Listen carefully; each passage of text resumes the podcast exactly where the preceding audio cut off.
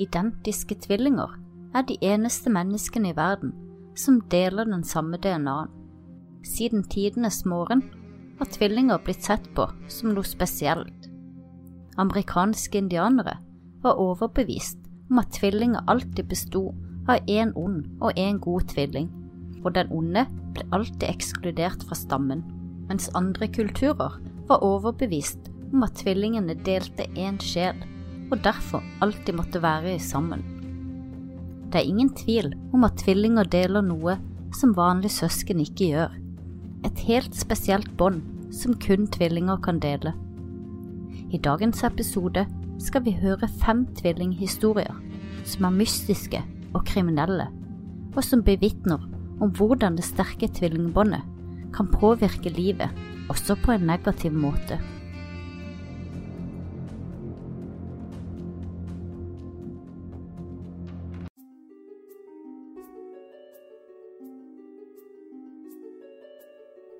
Sett deg godt til rette med noe godt i koppen, og bli med inn i mystikk og mysteriers verden.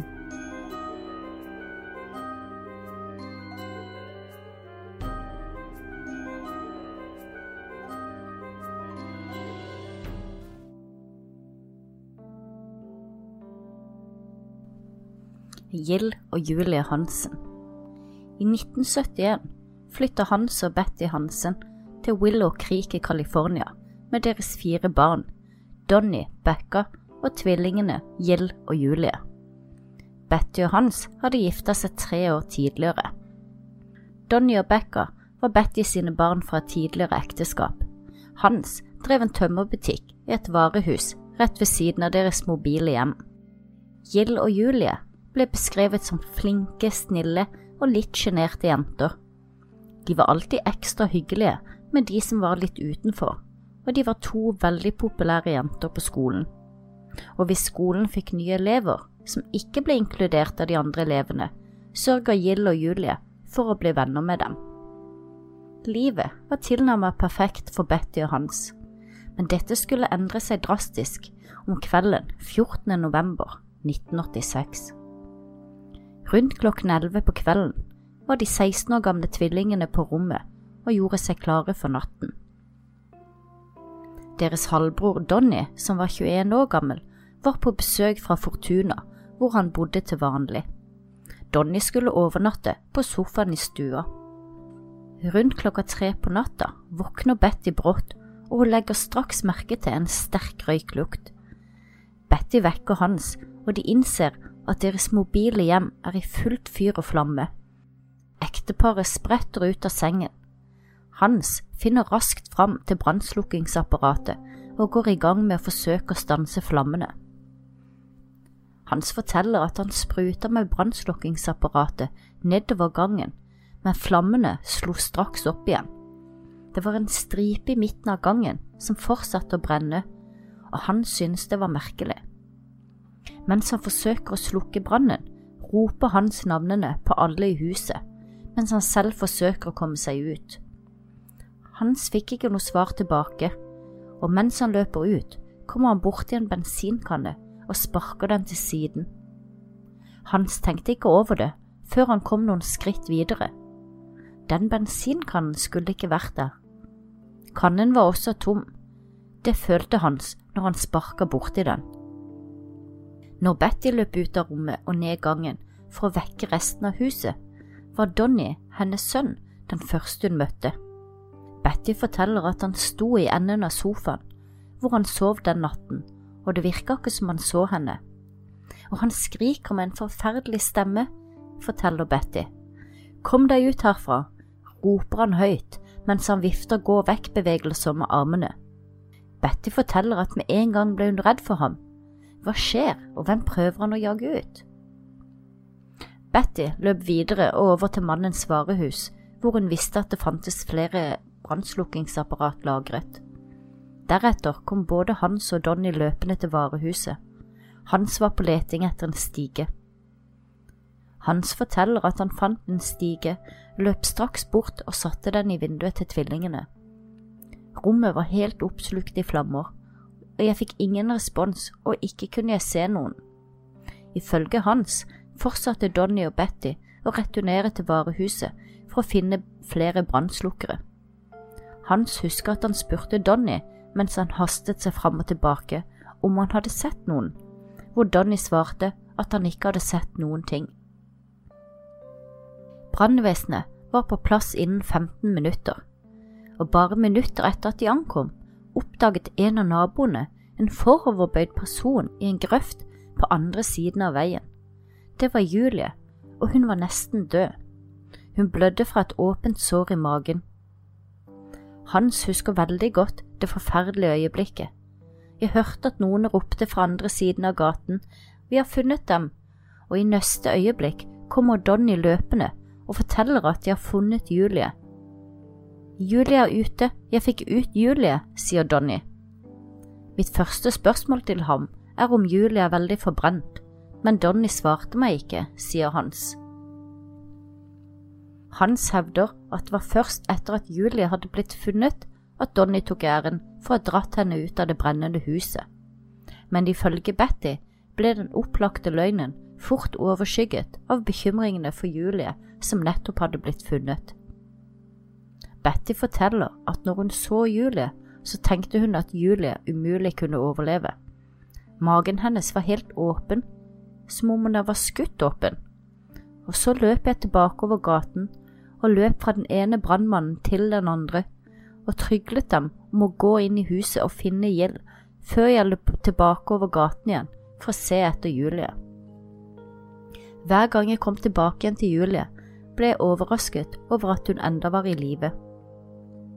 Ambulansepersonalet kjørte Julie i all hast til sykehuset. De trodde skadene i magen var forårsaket av en brannrelatert eksplosjon. Men legene som opererte på Julie, gjorde en sjokkerende oppdagelse. Julie hadde blitt skutt i magen på nært hold med en shotgun. Hans ble sjokkert når han fikk høre nyheten. Han ramlet nesten av stolen. Hvem kunne hate oss så mye at de ville angripe oss på denne måten? Når dagslys omsider kom fram, fikk familien enda flere nedslående nyheter. Gild sine levninger ble funnet i brannruinene. Obduksjonen av Gild viste at også hun hadde blitt skadet av skytevåpen. Ute av stand til å flytte på seg av skadene omkom hun i flammene. Politiet klarte å finne tre shotgunhylser og en femliterskanne bensin i ruinene. Varehuset til Hansen var urørt av flammene, og etterforskerne saumfarte hver millimeter av varehuset for å se om de kunne finne noen ledetråder.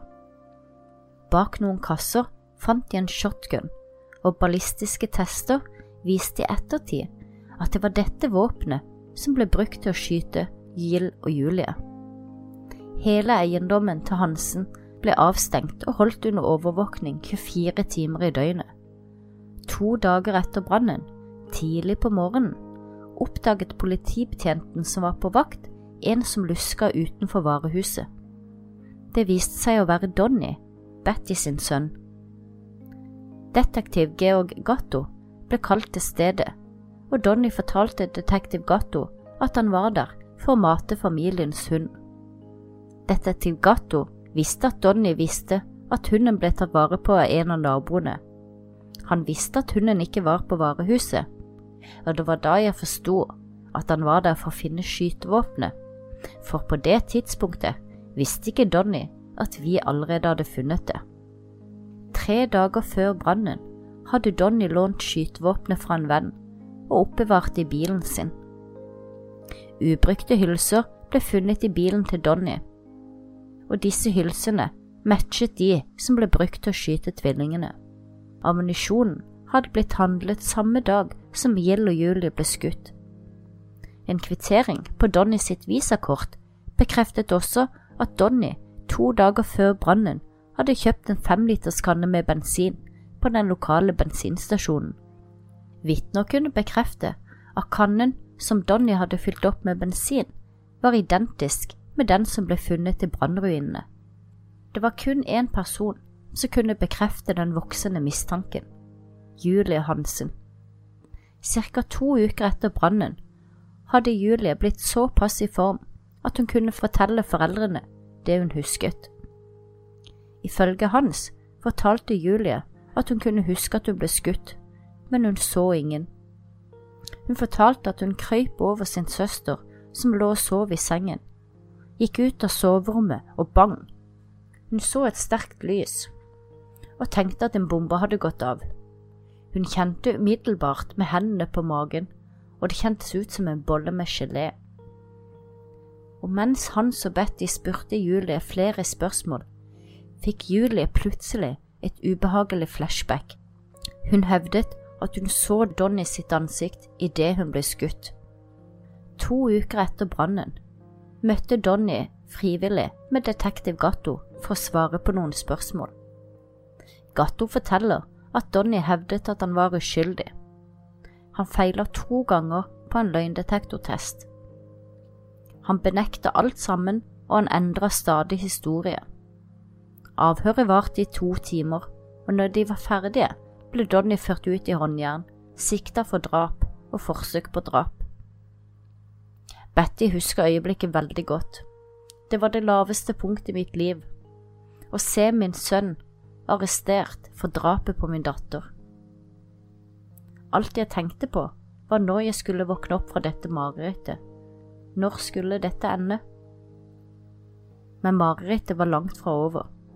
19. desember 1987 dør plutselig Julie i en medisinsk ulykke. En luftdråpe hadde entret blodstrømmen hennes via en intravenøs tube og stansa hjertet hennes. Julies død var nok en traume som ble påført Betty og Hans.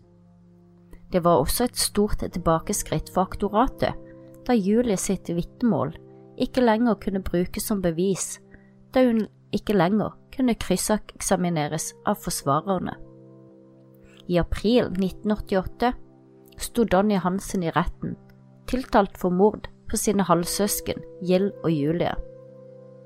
Aktoratet mente de hadde en overlegen sak, og ba derfor om dødsstraff for Donny. Aktoratet begrunnet det med at Donny var den som brakte mordvåpenet til åstedet. Han kjøpte hylsene som ble brukt til å drepe jentene. Han gjemte mordvåpenet og løy om alt sammen. Det er sterke bevis. Men Donny sin advokat introduserte i retten vitneavhør fra Hansen sine naboer. De hevdet å ha sett to uidentifiserte menn i nærheten av Hansens hjem mens det brant. Deres observeringer ble brukt som hovedbevis for forsvarerne for å overbevise om at Donny Hansen var uskyldig.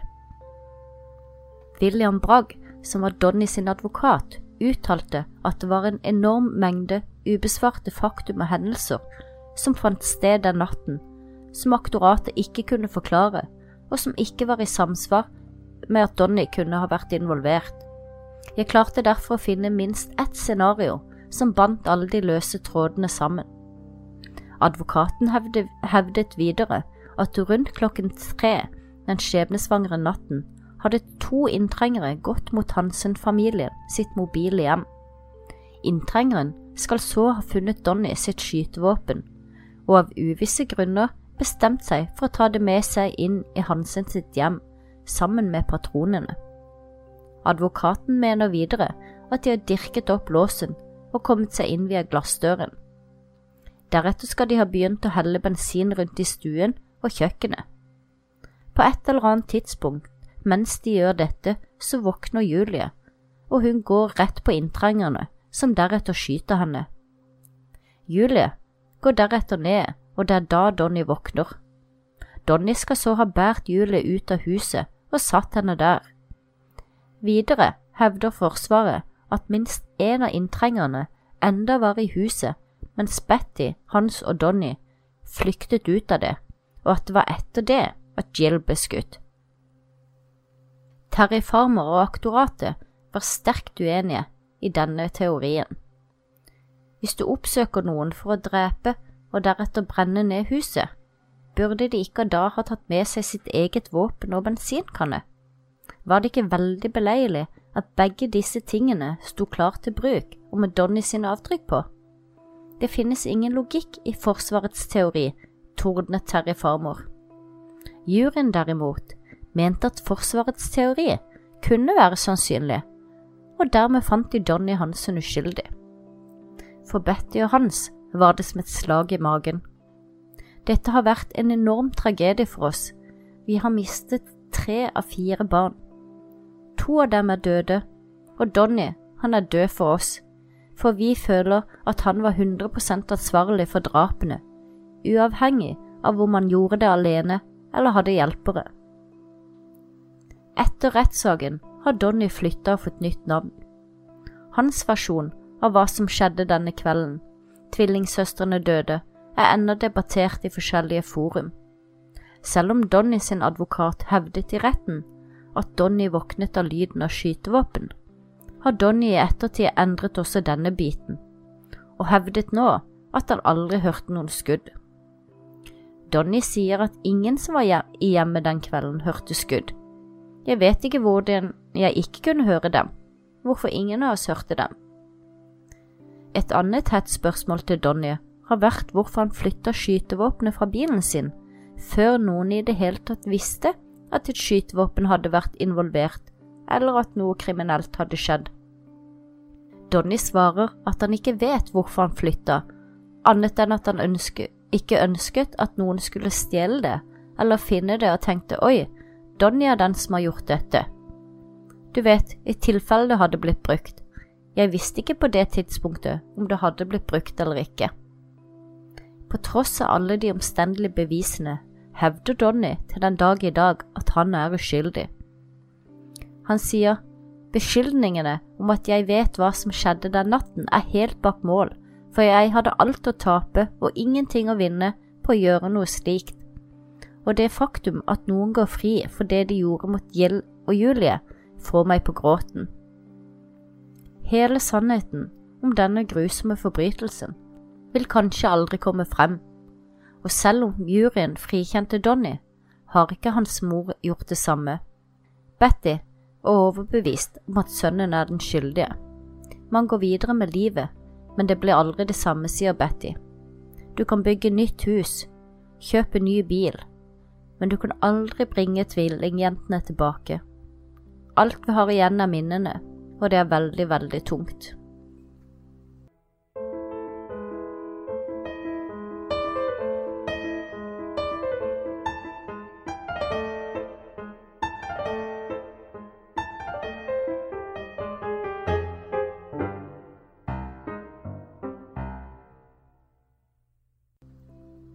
Sabina og Ursula Eriksson. De svenske tvillingjentene Sabina og Ursula fikk hele Englands oppmerksomhet i mai 2008 etter en episode av Folie Adore, som betyr delt psykose. Delt psykose er en sjelden psykiatrisk lidelse hvor vrangforestillinger overføres fra en person til en annen. Dette skal ha resultert i en serie bisarre hendelser på motorveien M6 og mordet på Glenn Hollinshead. Ursula og Sabina er identiske tvillinger. De ble født i Sverige 3. november 1967. De vokste opp på Sunne i Varmland, vest i Sverige, sammen med foreldrene og deres eldre bror Bjørn og deres eldre søster Mona. Tvillingsøstrene hadde ingen forhistorie med mentale lidelser eller kriminalitet og i år 2000 bodde Ursula i USA, mens Sabina bodde i Irland sammen med sin partner og to barn. Fredag 16. mai 2008 besøkte Ursula Sabina, men for uante grunner forlot de plutselig uatskillelige søstrene Sabinas hjem og dro mot London.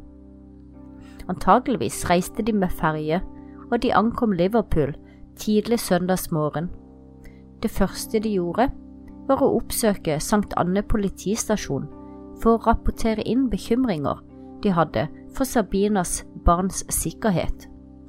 Det er uklart hvorfor jentene ikke følte at de ikke kunne rapportere inn bekymringene i Irland, men politiet Liverpool kontaktet umiddelbart politiet i Dublin for å følge opp forespørselen. Politiet fikk vite at Sabina hadde hatt en krangel med partneren sin kvelden før. Rundt halv tolv samme morgen igjen av ukjente årsaker, forsvant jentene på en ekspressbuss til London. En politirapport sier at tvillingene plutselig forlot bussen på en busservicestasjon langs veien da de følte seg dårligere. Bussjåføren sier han forlot jentene der og kjørte videre, selv om det ikke var et ordinært stoppested. Bussjåføren hadde lagt merke til at jentene oppførte seg merkelig rundt klokken ett. De hadde knuget bagene inntil seg på en mistenksom måte, og han lot dem ikke komme om bord igjen i bussen før han fikk gjennomsøke bagene deres for ulovlige saker. Jentene nektet å la han ransake bagene deres, så da kjørte han videre uten dem. Lederen for servicestasjonen, som jentene ble forlatt ved, var informert om situasjonen. Da også hun synes at jentene oppførsel virket mistenksom, og deres fiksering på bagene sine, så valgte hun å ringe politiet. Politiet ankom stedet, men forlot dem igjen etter en prat der deres inntrykk var at tvillingene var harmløse. Overvåkningsvideo og TV-showet Motorway Cops filmer den videre hendelsen. Jentene kan ses forlate servicestasjonen til fots, og de begynner å gå nedover langs motorveien M6 før de plutselig forsøker å krysse veien, noe som skaper kaos i trafikken. Sabina blir truffet av en bil, merket Seat, men pådrar seg kun små skader. Trafikkpatruljen responderte på hendelsen, og motorveipolitiet ble tilkalt for å bistå situasjonen. Politiet var denne dagen fulgt av et filmteam som denne dagen filmet inn materiale til serien Motorway eh, Police. Politiet og filmkamera ankommer stedet. De står på venstre side av veibanen, hvor politiet blir oppdatert om situasjonen fra trafikkpolitiet, når Ursula, helt uten forvarsel, løsriver seg og løper rett ut i veien og rett i siden på en stor semitrailer som kom i 90 km timen. Sabina følger raskt etter og blir truffet av en Volkswagen Polo i høy fart. Bilens frontrute blir smadret, og taket får en stor nedoverbulk. Utrolig nok overlever begge jentene sammenstøtet.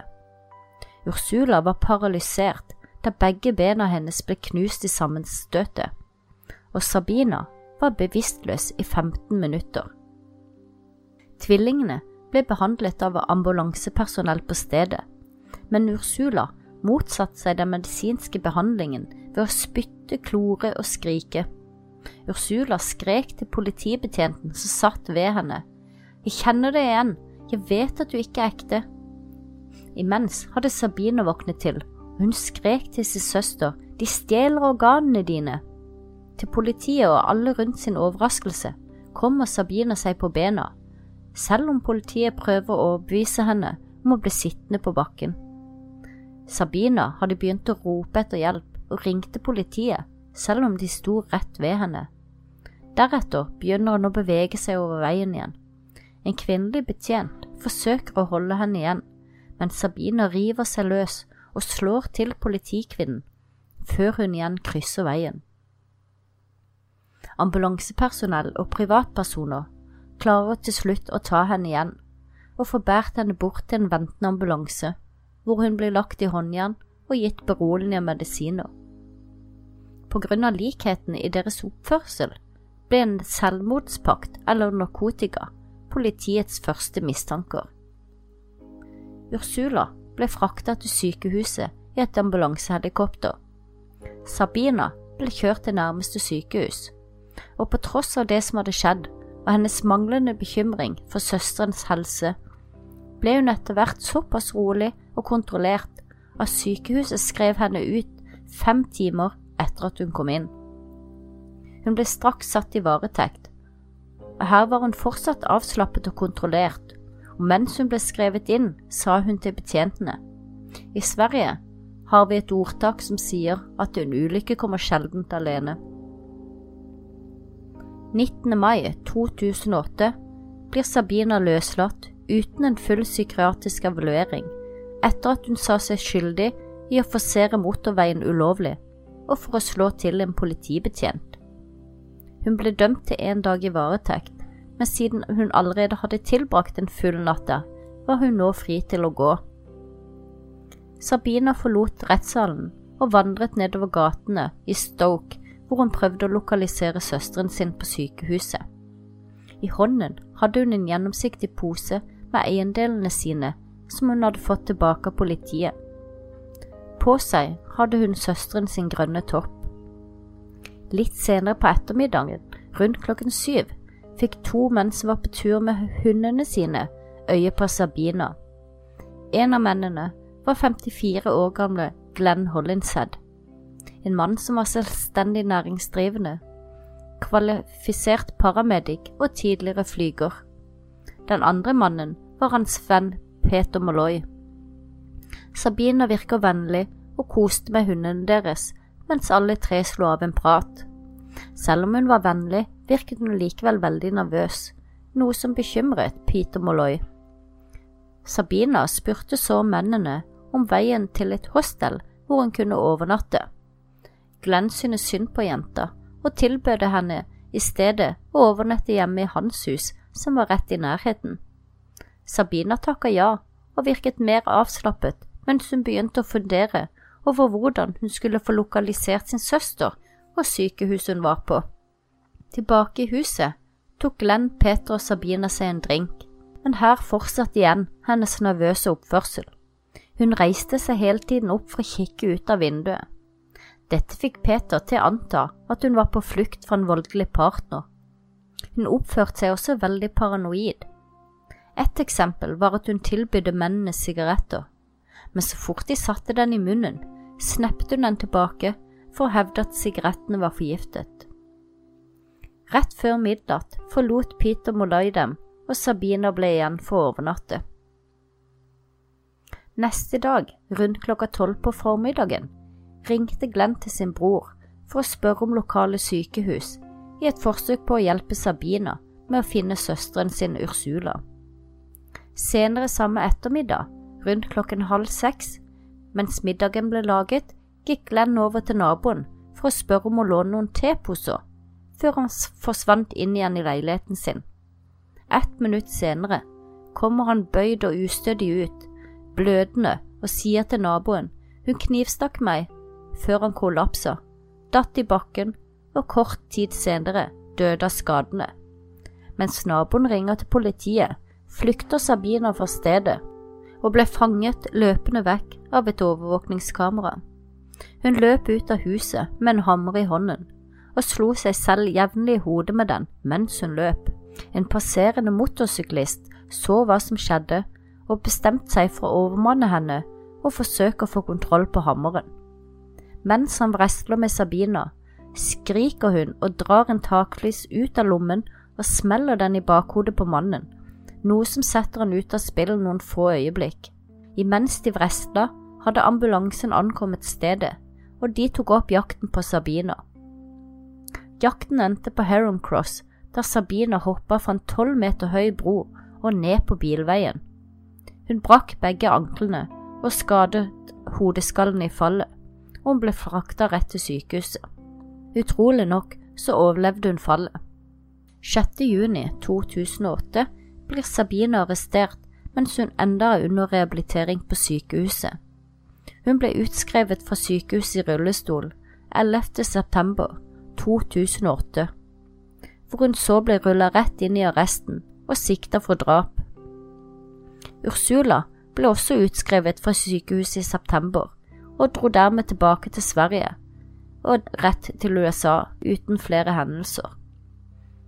Rettssaken til Sabina ble satt til å gå i februar 2009, men den ble utsatt da det var vanskelig å få utlevert Sabinas medisinske journal fra Sverige.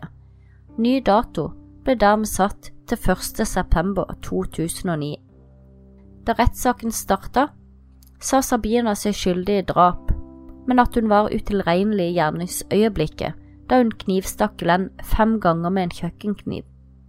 Hun ga ingen forklaring under hele rettssaken eller avhøret om hvorfor hun handlet som hun gjorde. Hun svarte stort sett ingen kommentar når hun ble eksaminert. Både aktoratet og Forsvaret var enige om at Sabina var utilregnelig i gjerningsøyeblikket, selv om hun var tilregnelig nå som rettssaken gikk. Forsvarerne til Sabina mente hun var blitt et offer for folie og da, eller vrangforestillinger, forårsaket av det innbilte nærværet av tvillingsøsteren, som var den som egentlig hadde vrangforestillingene. Retten ble også fortalt at Sabina led av en sjelden form for psykose som gjorde at hun hørte stemmer, men hun kunne ikke tolke hva stemmene sa. Hennes tilståelse og forklaring ble godkjent av retten, og retten fant det bevist at hun leder av vrangforestillinger i gjerningsøyeblikket. Sabina ble dømt til fem år i fengsel, og ble sendt til kvinnefengselet Bronzefield, og her ble hun senere kristen. Siden Sabine allerede hadde tilbrakt 439 dager i varetekt før rettssaken, så var hun allerede i 2011 en fri kvinne. Denne saken har etterlatt mange ubesvarte spørsmål, og man vil kanskje aldri helt forstå hva som skjedde, og den tragedien som endte med at Glenn Hollishead mistet livet sitt. Broren til Glenn, Gary Hollishead, har i ettertid vært kritisk til myndighetene. Selv om vi ikke holder Sabina ansvarlig, på samme måte som vi ikke hadde holdt en hund med rabbis ansvarlig for å bite noen. Hun er syk og er ikke ansvarlig for sine handlinger, men hennes mentale problemer burde ha blitt oppdaget og behandlet mye tidligere. Jeg er kritisk til at politiet slapp henne ut igjen etter hendelsen som skjedde på motorveien, og at hennes mentale helse ikke ble bedre evaluert. Dette burde absolutt bli plukket opp av systemet før hun ble satt ut igjen i samfunnet. Glenn så at Sabina var stresset og nervøs og ønsket kun å hjelpe. Det var typisk Glenn å strekke ut en hånd så fort han så noen trengte den. Det lå bare i hans natur, sa Gary, og siden løslatelsen i 2011 er det ingen som vet hvor det ble av Sabina og Ursula.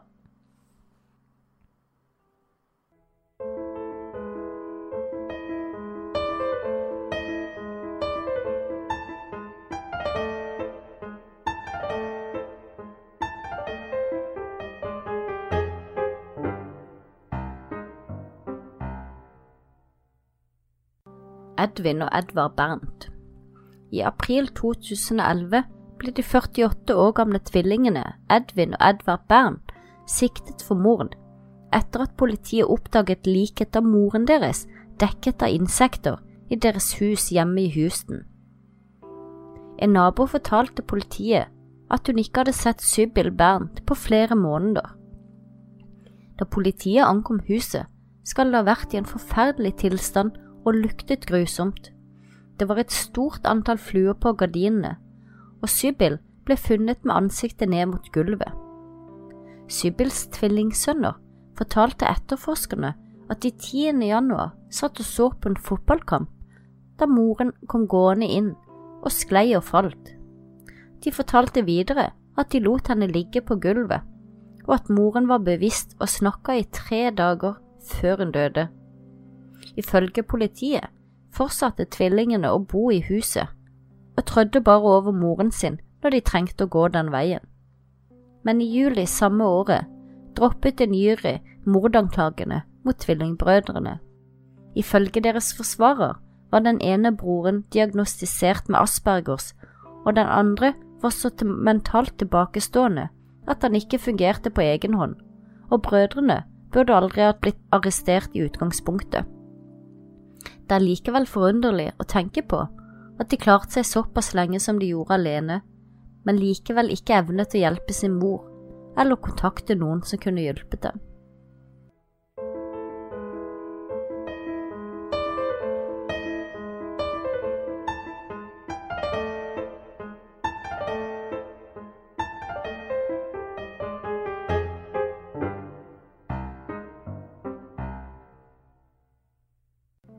Pollock-tvillingene reinkarnert. John og Florence Pollock bodde i en rolig by i Hexham i England mot slutten av 90-50-tallet. De hadde to døtre, Joanna 11 og Jacqueline på 6. Familien drev en suksessfull vare- og melkehandel, Døtrene var godt likt, og søstrene var bestevenner og som klistra til hverandre. Livet kunne ikke vært bedre for familien Pollock. Men idyllen fikk en brå slutt en maidag i 1957. På vei til kirken ble Joanna og Jacqueline truffet av en bil ført av en lokal kvinne som hadde tatt en overdose på aspirin og fenobarbiton i et forsøk på å ta sitt eget liv. De to søstrene døde momentant. Vitner beskrev at jentene hadde fløyet gjennom luften som cricketballer. Vennen, som gikk sammen med søstrene, en gutt ved navn Anthony, ble hardt skadet i sammenstøtet, og også han døde senere av skadene.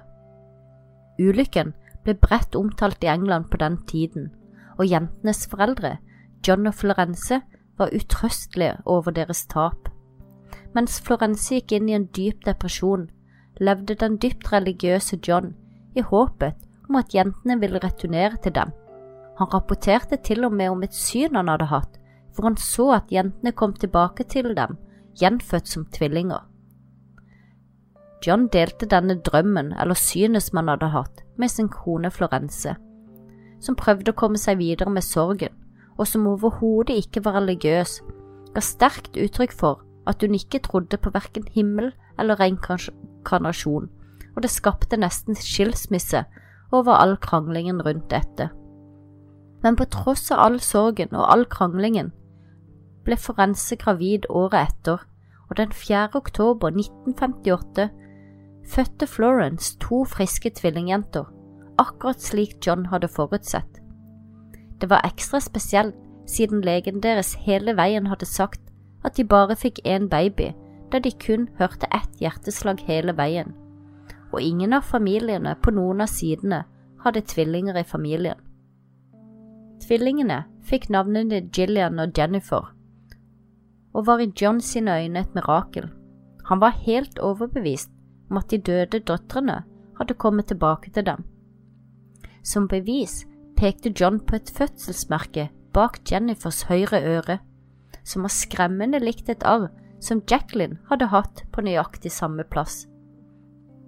I tillegg var det også matchende fødselsmerke på hoften. Gillian hadde ingen slike merker, selv om hun og Jennifer var identiske tvillinger, noe som også er uvanlig. Da tvillingene var noen måneder gamle, flyttet familien fra Hexham og til en liten by ved navn Whitley Bay, og det var her det begynte å skje merkelige ting. Så fort tvillingene var gamle nok til å snakke, begynte de å spørre etter og beskrive leker som Joanna og Jacqueline hadde eid. De brukte også jentenes dukkenavn. Alle lekene til, til de avdøde jentene hadde blitt pakket i esker og satt bort på loftet så tvillingjentene hadde aldri sett disse lekene før. De visste heller ikke at de hadde hatt to søstre som døde.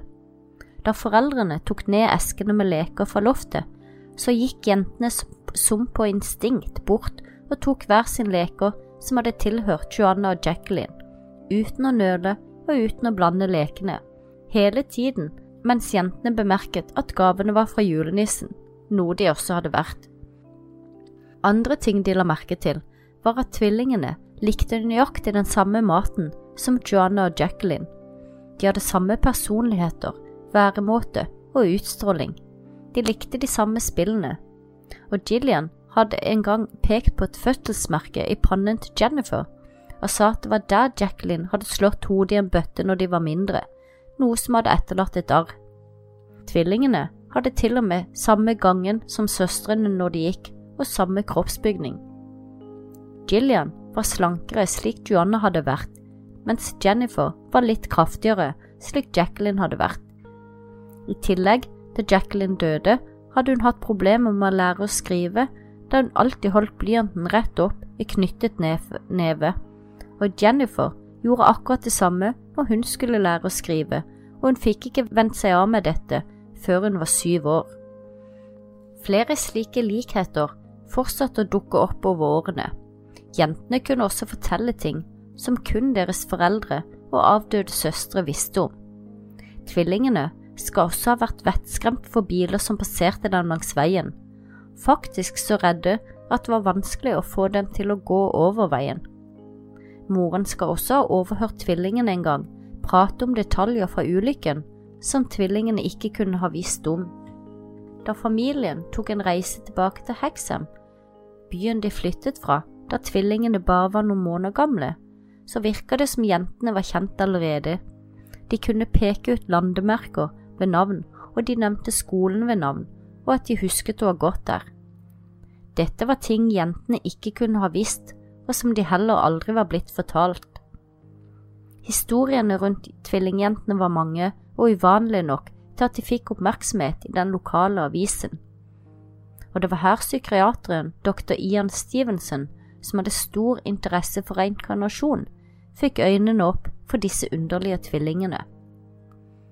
Dr. Stevenson begynte å besøke familien Pollock hyppig.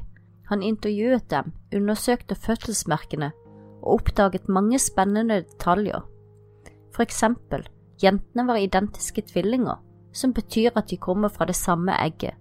Likevel var jentenes kropper forskjellige, som matchet deres døde søstre som ikke var tvillinger. Og det faktum at Jennifer hadde et uvanlig fødselsmerke som matchet en skade Jacqueline hadde hatt, mens Gillian ikke hadde et slikt fødselsmerke, var vanskelig å forklare genetisk.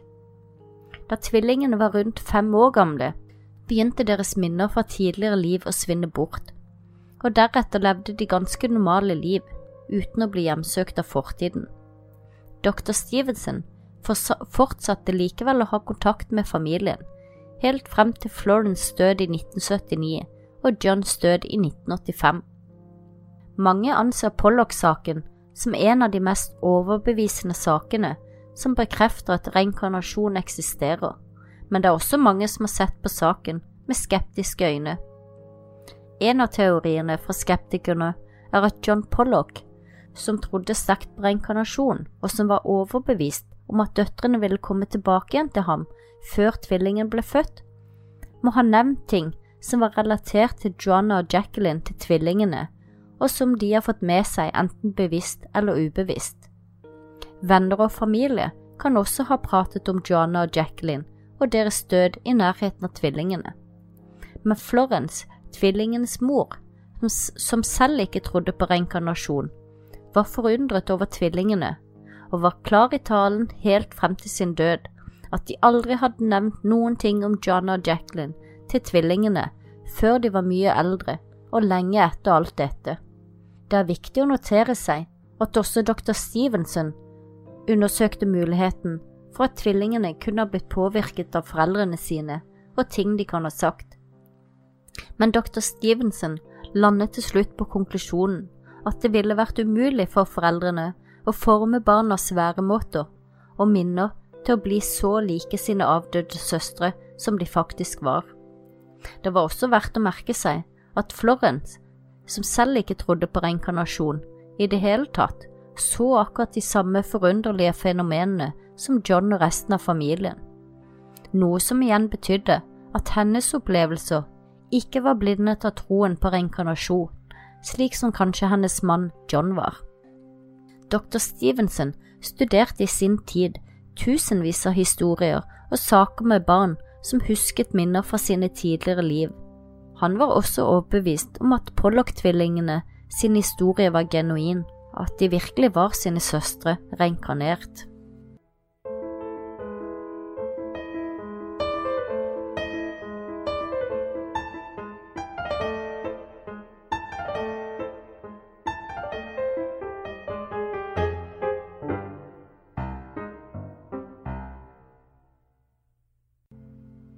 De stumme tvillingene June og Jennifer Gibson ble født i Wales i 1963. De var på mange måter sosialt utstøtte og ble mye mobbet. Begge hadde språkproblemer, og ettersom årene gikk, utviklet tvillingene et hemmelig språk seg imellom, som etter hvert ble helt uforståelig for dem rundt. Jentene sluttet helt å prate med verden rundt seg og snakket kun med hverandre. Jentene begynte etter hvert å begå kriminalitet, og til slutt ble de begge innlagt på Broadmoor sykehuset for pasienter med mentale problemer. Her bodde tvillingjentene i elleve år og fikk etter hvert diagnosen schizofreni. Begge jentene var glad i å skrive og utga hver sin bok. Etter hvert fikk jentene kallenavnet De stumme tvillingene, siden de aldri snakket med noen andre enn hverandre. De hadde et intenst hat- og elskforhold, og mens de var innlagt på Brogmore sykehuset, inngikk de en pakt. En av dem måtte dø for at den andre skulle kunne leve et normalt liv. Jennifer ble til slutt den som skulle dø. Hun hadde fortalt dette til et av sine besøk. I 1993, bare noen timer etter at de ble skrevet ut fra Brogmore-sykehuset, døde Jennifer på søsterens skulder, kun 29 år gammel. Dødsårsaken var en akutt betennelse i hjertemuskelen, men årsaken forblir et mysterium, og June Gibson lever i dag et normalt liv.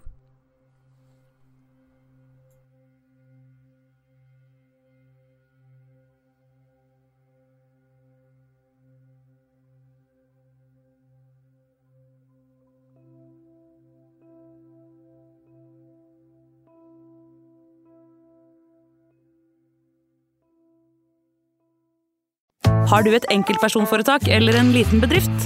Da er du sikkert lei av å høre meg snakke om hvor enkelt det er med kvitteringer og bilag i fiken, så vi eh, gir oss her, vi. Fordi vi liker enkelt. Fiken superenkelt regnskap.